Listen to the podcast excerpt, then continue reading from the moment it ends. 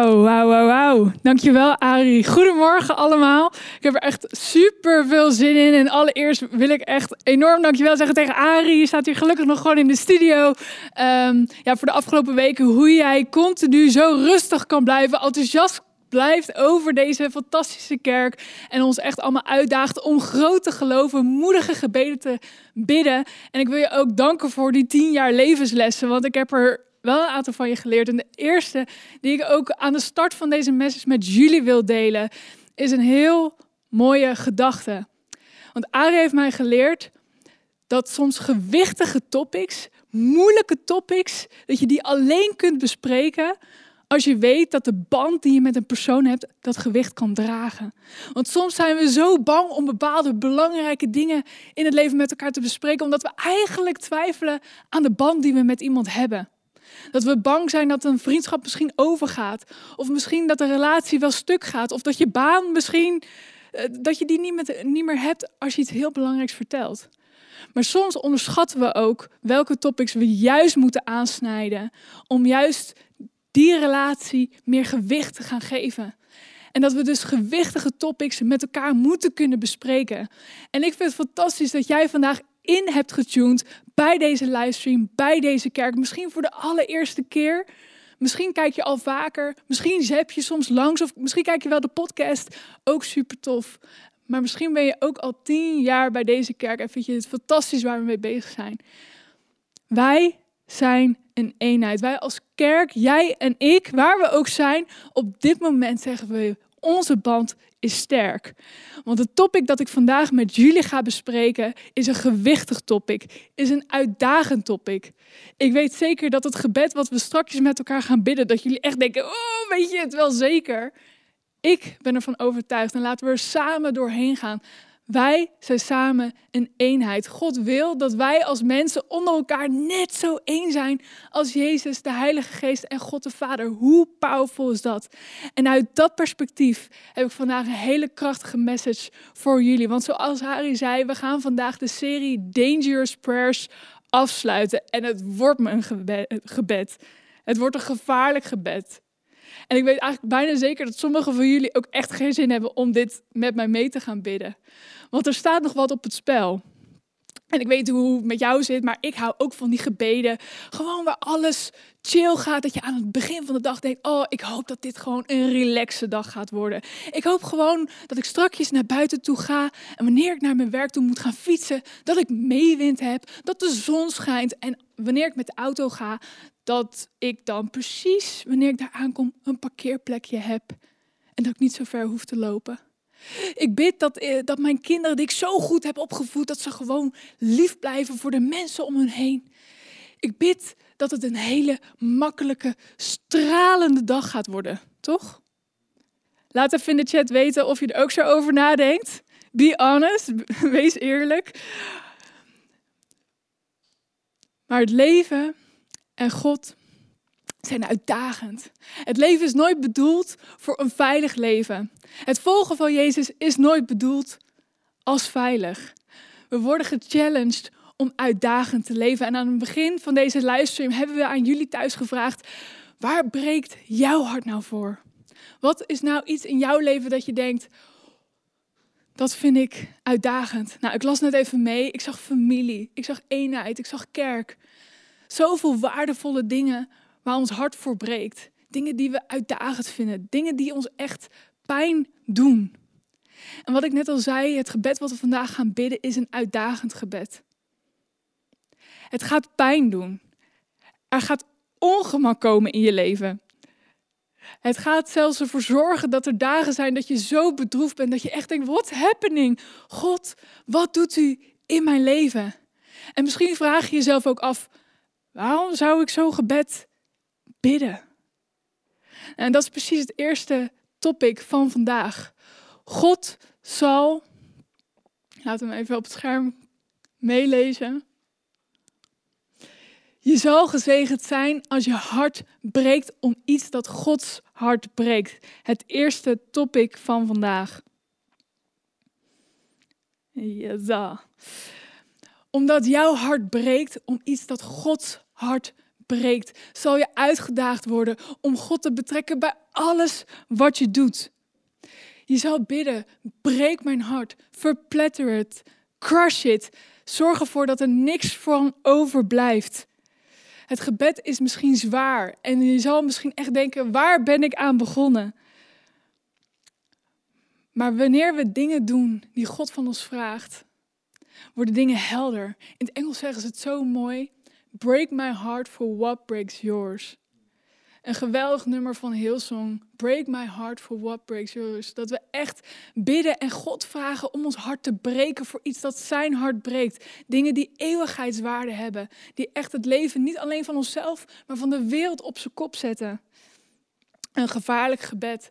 En om te beginnen wil ik met jullie kijken naar de profeet Jeremia uit het Oude Testament. En Jeremia had nou niet echt een hele leuke bijnaam. Hij staat namelijk bekend als de huilende profeet. Oh. Nou, zo wil je toch niet bekend staan, hè? Ik hoop niet dat jullie dat over mij uh, gaan zeggen, dat ik uh, de huilende spreker ben. Um, maar Jeremia, zijn hart was gebroken. Hij had geen stoere bijnaam, maar hij had een enorm hart voor wat er op dat moment in de wereld aan de gang was. ik zal je een beetje context geven. Jeremia leefde in een bizarre tijd, waar zijn hart was gebroken voor de mensen om hem heen. De leiders van die tijd, die deden bizarre dingen. Ze waren supergeestelijk, zeiden dat ze God op nummer 1 hadden staan, maar ze misbruikten de weduwe. Ze misbruikten de kinderen. Er waren zelfs een paar mensen die dachten dat het een goed idee zou zijn om kleine babytjes op te offeren aan een valse God. Hoe kan je in een liefdevolle God geloven en toch zulke bizarre dingen doen? Jeremia was er kapot van. En we lezen dan ook in Jeremia 8, vers 18 en 21. Ik, ik ben ontroostbaar. Mijn hart is gebroken. Ik huil om de verwoesting van mijn volk. Ik ben in de rouw en verlamd door angst. Het was bizar wat er in die tijd gebeurde. En Jeremia die zag het. En de enige prioriteit, het enige wat waar hij aan kon denken was: ik moet deze mensen vertellen dat dit echt niet oké is. En misschien vinden we dat normaal, maar dat was echt niet populair in die tijd. Jeremia was de enige die een soort van zei: Hey guys, zien jullie wel wat er gebeurt? Zijn hart was gebroken.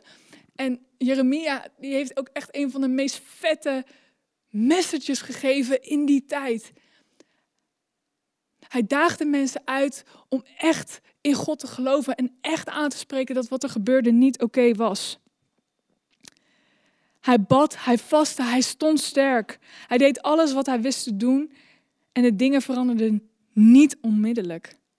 Hij stierf een vreselijke dood. En dan denk je echt, nou deze, wil je dat ook voor mij leven? Ga je dat echt vandaag over mij uitspreken? En de vraag is, zou jij zo'n enorm vet, groot, ongrijpbaar leven willen leiden? Dat je de geschiedenisboeken ingaat als een bizarre vrouw, bizarre man. Met een gebroken hart, maar die, die zo sterk maakte voor onrecht in de wereld. En het is zeker niet fout om gebeden te bidden, zoals ik aan het begin zei.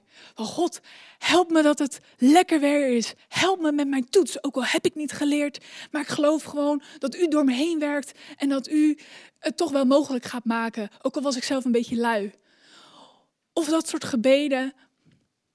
Dat je op je werk een deal moet sluiten. Terwijl je weet, ik heb alles in me. Maar ja, God, u moet ervoor zorgen dat het echt gaat lukken. En soms, er is niks mis met die gebeden. Maar soms vraag ik me ook in mijn leven af. Wanneer ik bid, God wilt u bij me zijn? God wilt u me helpen? God wilt u laten zien dat u echt van me houdt? Dat ik meer mezelf eraan herinner wat God, hoe groot God is. Dan dat God op dat moment echt een wonder moet doen.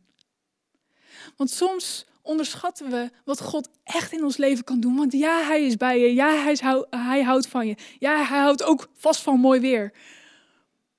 Maar Hij doet dingen die wij niet kunnen doen. Laten we een leven leven waar we God echt bij nodig hebben. In de kleine dingen, maar ook in de grote dingen. Wat als Gods grootste zegeningen komen van Gods grootste breuken? Wat als God iets door jouw leven heen doet, wat eigenlijk in eerste instantie zoveel pijn doet, dat je hebt gebeden, breek mijn hart. Het doet pijn, ik voel me bedroefd, ik weet eigenlijk niet waar ik moet beginnen. Maar dat God daardoorheen iets bizars in jou losmaakt, waardoor er iets in je hart gaat pompen, dat je denkt, wauw, ik wil me hiervoor inzetten. Dit is mijn nummer één priority. En ik hou van comfort. Ik weet niet of jij houdt van comfort. Laat het weten in de chat of jij uh, ervoor uit durft te komen dat je ook van, van comfort houdt. Ik hou van luxe. Ik hou gewoon van een heerlijk hotel. Afgelopen zomer wilde ik echt per se nog een nachtje weg in een hotel met een bad, want ik heb geen bad. Betaalbaar uiteraard. Nou, uiteindelijk heb ik zoiets vet gevonden. Betaalbaar, maar luxe. Ik hou van een restaurant waar ik bediend word. Ik word niet zo blij van een buffet, want dan moet ik lopen en dan word ik moe. Ik hou van gewoon luxe en comfort. Natuurlijk betaalbaar, maar ik hou ervan. Maar het probleem met comfort is dat comfort er nog nooit voor heeft gezorgd dat ik in actie ben gekomen. Want het is bij mij in ieder geval nog nooit voorgekomen dat ik dacht: oh, mijn haar ruikt zo lekker vandaag. Ik ga de hele wereld veranderen. Let's change the world today. Nee, comfort zorgt er eigenlijk voor dat we eigenlijk nog meer comfort willen in het leven. Want comfort heeft er nog nooit voor gezorgd dat mijn hart echt is gaan bloeden voor andere mensen. Nee, comfort leidt alleen naar meer comfort.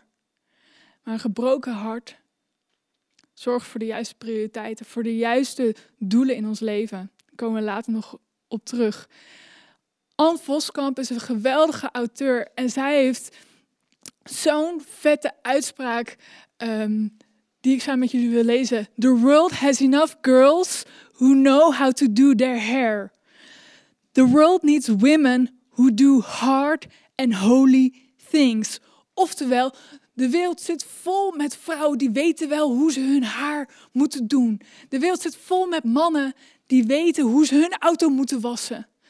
De wereld heeft mensen nodig die moeilijke, uitdagende, heilige dingen doen. Fantastisch vind ik dit. Break my heart. En het is een beetje hetzelfde als het pottenbakprincipe. Houden jullie ook zo van ambachtelijke, oude ambachten, handwerk, ploeteren? Nou, ik, ik heb daar niet het geduld voor. Maar het principe vind ik zo mooi. Want laat ik je een beetje meenemen in hoe het pottenbakken gaat. Wanneer je gaat pottenbakken, dan is de pottenbakker heel lang bezig om het klei zo te bewerken met alle spieren, alle power ervoor te zorgen dat de vezels de juiste kant op gaan. Dat alle luchtbellen die in het klei zitten, dat die eruit worden gestampt, gedrukt, gepusht. Want als dat niet gebeurt en er komt een heel mooi kannetje en die gaat de oven in, dan zal die in honderdduizend stukjes breken omdat het niet op de juiste manier is bewerkt. Maar wanneer het klei in de juiste positie, in de juiste manier is gekleid, en dat alle luchtbelletjes eruit zijn, alle, de alle vezels de juiste kant op, en er een heel mooi kannetje uitkomt, moet het wel op 900 graden gebakken worden. It's getting hot in here. Echte, harde, ambacht. Het gaat niet vanzelf. En over een aantal weken hebben we ook de Ladies Lounge. Ik vind het een fantastisch event. Omdat ik er al naar uitkijk wat het thema Go Further gaat doen tijdens dat weekend. En daar komt ook dit pottenbakprincipe in terug. Jij bent bijzonder in de ogen van jouw maker, van de grootste maker ever. Jij bent perfect. Maar je wordt nog geschaafd en geschuurd. Soms gaat het fout en begin je weer opnieuw. Worden er mooie decoratieve dingetjes erop gezet? Wordt je leven uitgebreid? En is het misschien wat uitdagend? Soms is het een proces in je leven dat je denkt van, maar dit voelt niet fijn, maar dit is niet wat ik wil. Gaat dit echt de goede kant op? En het wordt heet onder je voeten. En je wil misschien stoppen, je wil misschien opgeven, maar je weet, God is bij me. Hij is me aan het voorbereiden voor iets vets. Gods grootste zegeningen komen uit Gods grootste breuken. Een proces dat niet altijd makkelijk is. En niet altijd populair. En niet altijd fijn. Maar wat wel een impact maakt op jouw leven en op de mensen om je heen. En misschien bid je vandaag mee. Break my heart. Dan ben je in good company. Dan heb je goede mensen om je heen. Want jaren terug kunnen we zoveel leren van alle Bijbelfiguren. Laten we een aantal bekijken. Denk maar terug aan Mozes. Mozes die had een hart voor zijn volk. Hij was aan het hof bij de farao opgegroeid, maar hij wist, dit is niet mijn plek. Mijn hart is gebroken voor mijn mensen die in slavernij leven, die zo lang worden, lang worden onderdrukt. Mozes wist, ik moet naar de farao toe. Ik moet zeggen, zo kan het niet langer. En hij ging daar naartoe, naar de machtigste man in de hele wereld. En zei, let my people go. Laat mijn mensen gaan. Dat had onwijs veel moed nodig. Of denk maar aan David. David, de kleine herderjongen, de schaapsjongen. Niemand zag hem staan. Maar zijn vader die stuurde hem in de tijd van de oorlog, stuurde hem naar de frontlinie met een paar crackers en een beetje kaas. En hij zei, ga daar maar naartoe. En David kwam daar aan en zag dat de oorlog stil lag vanwege een hele grote reus genaamd Goliath. En Goliath, die was niet zo slim. Die zei allemaal dingen over God. Hij maakte God belachelijk, hij maakte de mensen belachelijk. En David zei, zo kan het niet langer. Iedereen zegt dat jij te groot bent. Ik zeg dat jij te groot bent om te missen. En David die pakt zijn slinger en een steen en Goliath to the ground. Of Nehemia. Nehemia had eigenlijk best een comfortabele baan op zich. Hij was uh, wijnproever en hij moest er dan voor zorgen dat wanneer de wijn vergiftigd was, dat hij dan niet meer de eh, beker kon doorgeven. Dus elke dag dat er geen vergif in zat, was een goede dag. Maar tot het moment dat Nehemia echt hoorde hoe het met zijn volk eraan toe ging. Dat de muren afgebroken werden. Dat de identiteit van zijn volk, dat dat zo ver afbrokkelde. Dat Nehemia zei, mag ik alsjeblieft gaan? Een hele moeilijke stap.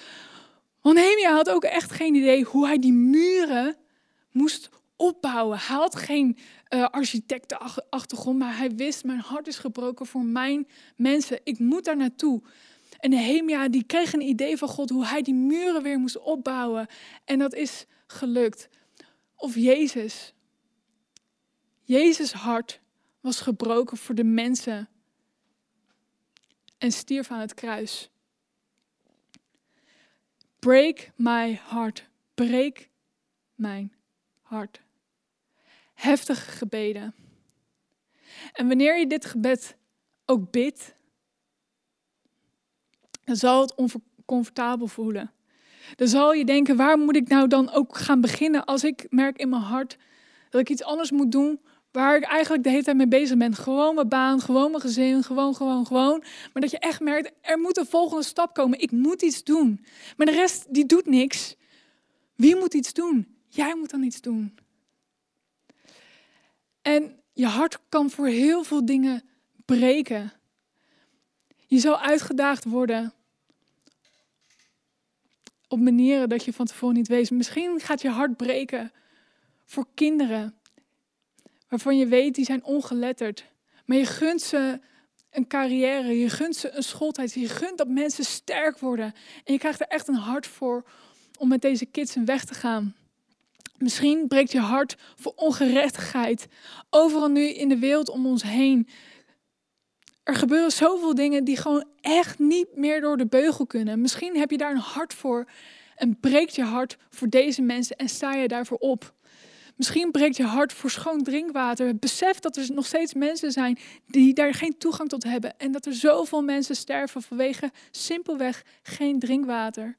Misschien breekt je hart voor vrouwen in de prostitutie of mannen in de prostitutie, in destructieve omgevingen waarvan je denkt, dit kan zo niet langer. Deze mensen die verdienen een toekomst. Ze zijn puur, ze zijn prachtig in de ogen van onze hemelse Vader. Dit kan zo niet langer. Ik ga me inzetten voor deze mensen. Misschien breekt je hart voor kinderen, voor mensen met psychische aandoeningen. Of kinderen die geen liefdevolle omgeving hebben gehad vanuit hun ouders. Misschien breekt je hart voor deze mensen.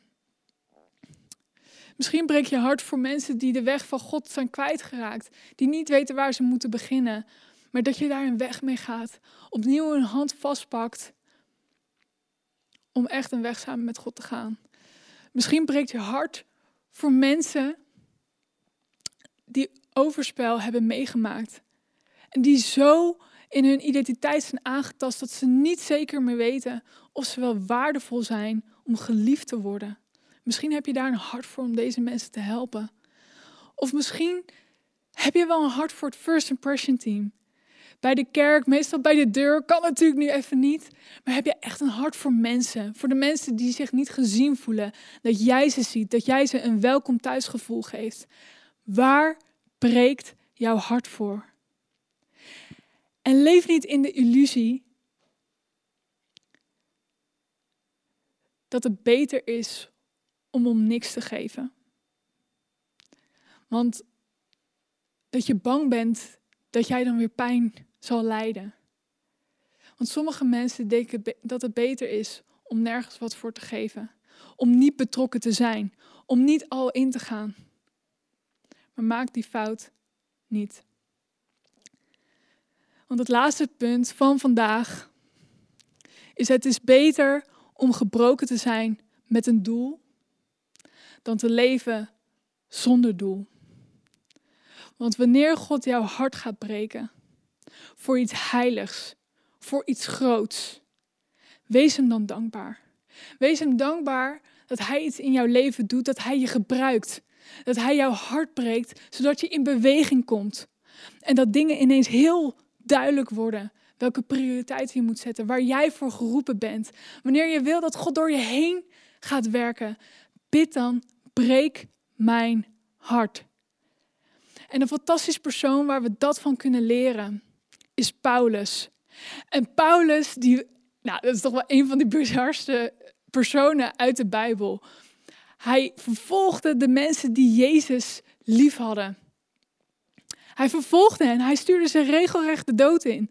Maar hij zegt zelf ook in Filippenzen 3, ik, ben, ik was een Hebreeër van alle Hebreeën. Ik was een echte Jood. Ik kende de 613 Fariseese wetten, die kende ik helemaal uit mijn hoofd. Ik was zelfs besneden op de achtste dag. Allemaal arrogante uitspraken die Paulus vroeger deden. Maar toen leerde hij de liefde kennen van Jezus. En lees met me mee wat hij in Filippenzen zegt. Maar al deze dingen waar ik vroeger zoveel waarde aan hechtte, zijn voor mij waardeloos geworden, omdat ze mij afhielden van Christus. Paulus proefde de echte liefde, de echte vrijheid voor hem persoonlijk. En wist, mijn hart is gebroken voor Jezus. Hij ging de echt alle kanten op om dit nieuws te verspreiden. En zo heftig was zijn overtuiging dat mensen Jezus moesten volgen. Dat hij het volgende in Romeinen 9 zegt. Christus weet dat ik de waarheid spreek. Oftewel, als je me niet gelooft, Jesus is my witness. En de Heilige Geest bevestigt het in mijn geweten. Er is iets dat mij veel verdriet doet. En mij onophoudelijk kwelt. En wel de toestand van mijn eigen volk. De mensen waar hij vroeger bij hoorde de Israëlieten. Echt, ik zou zelfs van Christus afgesneden willen zijn als ik daarmee mijn broeders en zusters van de ondergang zou kunnen redden. Bizar. Paulus had een mega geloof in Jezus. Het voelde zo sterk. Maar waar zijn hart voor gebroken was, zijn vrienden, zijn familie, dat was nog veel sterker. Dat Paulus zelf zegt: als het er echt voor nodig is, Jezus, om mijn geloof af te nemen, om voor altijd verdoemd te zijn, maar dat mijn vrienden, mijn familie, mijn volk gered zou worden. So be it. Paulus liet alle comfort, alles wat hem, wat hem makkelijk zou maken, wat het leven easy zou maken, liet hij achter zich actief en zei: Breek mijn hart.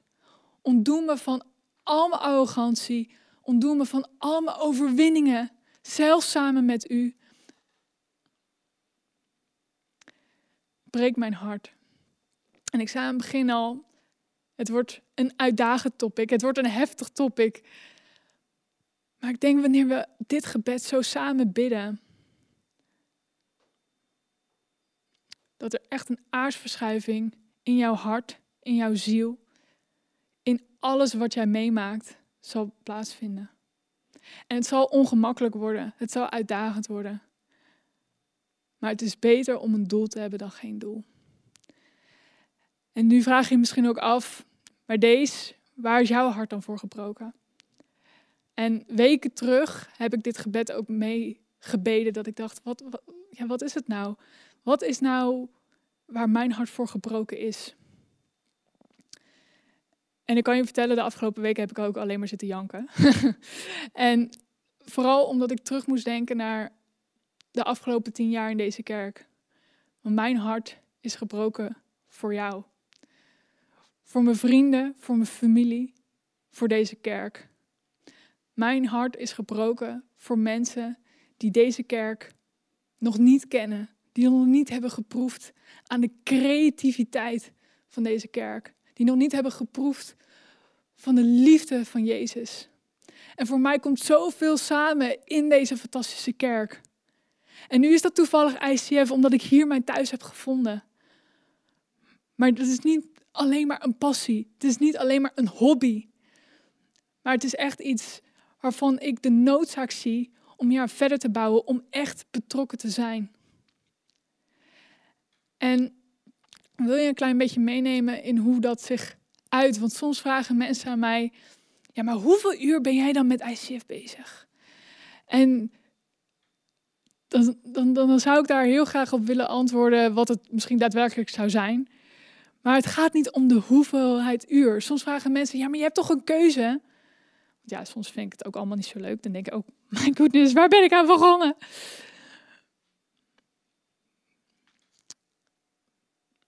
Het is een keuze, maar God heeft mijn hart gebroken voor deze mensen. Voor de mensen hier zo om me heen. Voor jou. Mensen in Amsterdam, mensen in Rotterdam, mensen in Utrecht, mensen in heel de Nederland, in Nederland en heel de wereld. Speciaal voor deze kerk. Omdat ik geloof dat we samen met deze kerk echt mensenlevens op zijn kop zetten. En dat is niet alleen een ambitieus plan, dat is niet alleen maar een mooi gegeven, maar het is iets wat essentieel is. En jaren geleden toen deze passie al zo aan het ontwikkelen was, dacht ik ook van hoe ga ik dat dan allemaal vormgeven? Waar moet ik beginnen? Waar gaat het ooit eindigen? Maar als ik zie in wat voor tijd we samen leven, hoe essentieel de kerk is om op een uitdagende, creatieve, persoonlijke manier te ontwikkelen, dan is dat alles waard. En elke traan die ik op deze kerk heb gelaten, was echt. Soms omdat het me te veel werd, dat ik echt dacht, waar moet ik allemaal beginnen en hoe krijg ik het allemaal af? Maar nog meer voor de mensen die in deze kerk nog niet hun purpose hebben gevonden. Die nog steeds zo koppig zijn om niet te investeren in zichzelf. Mijn hart breekt voor mensen die denken dat ze het op hun eigen manier wel kunnen doen. Waar kerk een optie is. Mijn hart dat breekt daarvoor omdat ik gewoon zo geloof dat dat niet de waarheid is. We hebben elkaar nodig. We zijn een eenheid. En niet alleen om alle taken gedaan te krijgen, maar omdat we samen als één kerk de wereld ingaan om echt een licht te zijn, om echt te doen waar Jezus ons voor geroepen heeft. Breek mijn hart. Breek mijn hart is iets wat ik de afgelopen weken daarom nog extra heb gebeden. Van wat, breek mijn hart om de juiste dingen te zeggen, om de juiste dingen te doen. En niet voor mijn glorie, niet omdat ik er beter van wil worden, maar om echt iets bizars te zien wat ook niet van, vanuit mij kan komen. Dat God iets door mij heen doet, door jullie heen doet, waarvan je echt God nodig hebt en ziet dat Hij het heeft gedaan. Mijn hart breekt voor de mensen die zeggen: God spreekt niet tegen mij, het is stil. Terwijl God zo duidelijk aan jou wil laten zien waar Hij voor heeft gebruikt. En dat is een pijnlijk proces. Dat is soms bedroevend. Maar ik geloof wanneer we weten wat we achter ons moeten laten, dat we dan vooruit kunnen lopen samen met onze God, samen met onze mensen, met de kerk om ons heen. Alsjeblieft, kerk is niet optioneel. Het is echt noodzakelijk dat we samen als één kerk samen vooruit gaan bewegen. En wanneer God jouw hart gaat breken, dank hem dan. Dank hem dan dat je weet dat al jouw persoonlijke lusten, passies in het niet vallen in wat God door jouw leven wil doen. Geen carrière, hoe goed carrière ook is. Geen acceptatie zoeken van vrienden, hoewel vrienden super tof zijn. Zoek het niet in dingen die uiteindelijk niet tot Gods koninkrijk behoren. Laat je hart breken door Hem omdat Jezus jou lief hebt gehad. Omdat Jezus voor jou is gestorven. En ik hoop dat je proeft dat dit een gewichtig topic is. Iets dat alle potentie heeft om jouw leven echt compleet te veranderen. Als jij ooit aan het zoeken was voor een fris begin, dan is dit het vandaag. Bid mee. Breek mijn hart. zodat God je kan breken voor zijn koninkrijk. En wat er dan uit gaat komen, net zoals dat pottenbakprincipe, een prachtige creatie in de ogen van onze maker. Bid met me mee. Jezus, ik wil u bidden. Breek mijn hart. Zorg ervoor dat wat eigenlijk ik bedacht wat een goed idee was. Wat een goede intentie was. Wat misschien ervoor zorgt dat ik een mooi nalatenschap kan achterlaten. Dat het van me wordt afgenomen. Want ik weet wanneer ik mijn hart laat breken door u, het zoveel fijner is om te weten hoe u naar me kijkt. Wat u door me heen wil doen dat mijn hart echt gebroken is. Zodat er iets moois uit kan ontstaan. Zodat er iets kan opbouwen wat ik nooit voor mogelijk had gehouden. En dat het me daardoor juist helpt om gedisciplineerd te zijn. Om andere mensen op te bouwen, andere mensen in mee te nemen. En Jezus, ik wil u danken dat u zo vol genade naar ons kijkt en niet boos op ons bent. Of niet ons uitlacht dat we het misschien al jaren verkeerd doen. Of dat al onze goede intenties toch niet echt uw hart raken. Ik wil u verdanken dat u vandaag ons een nieuwe kans geeft. Om echt te doen wat u van ons vraagt. Misschien niet sexy, misschien niet populair. Maar aan het einde van de rit zo opbouwend, zo heftig, zo groots omdat u grootste dingen door ons heen wil doen. En Jezus, in uw naam wil ik de mensen zegenen die een idee krijgen voor uw koninkrijk. Iets dat hun hart breekt, wat uw hart breekt. Dat u iets mogelijk gaat maken. Door pijn, door breuken, door verdriet. Wat een blessing zal zijn voor zoveel mensen. En Jezus, ik, ik vind het fantastisch dat u bij ons bent. Ik wil daar niet aan twijfelen. Hoewel ik er elke dag voor zou willen bidden, is het meer een reminder voor mezelf. Om juist door te gaan, met u vooruit te kijken. En ook al is mijn hart gebroken, ook al voel ik me bezwaard, ook al voel ik me bedroefd, ook al laat ik tranen die niemand anders laat, ik weet dat het goed is. Ik weet dat het opbouwend is. En ik weet dat ik niet hoef te twijfelen aan uw goedheid in mijn leven. Maar juist dat het een benzine is, een power om door te zetten. En ik wil jullie daarvoor danken. Danken voor de pijn, danken voor het verdriet. Ook al is het bizar om het uit te spreken. Maar wat daar doorheen gebeurt, is zo waardevol. En ik wil jullie daar zo voor danken.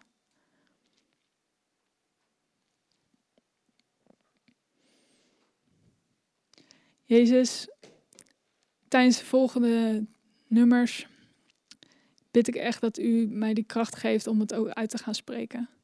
En de komende weken dit echt een prio te maken. En ik stel mezelf open om mijn hart te laten breken door u. Om iets wat uw hart breekt. Amen.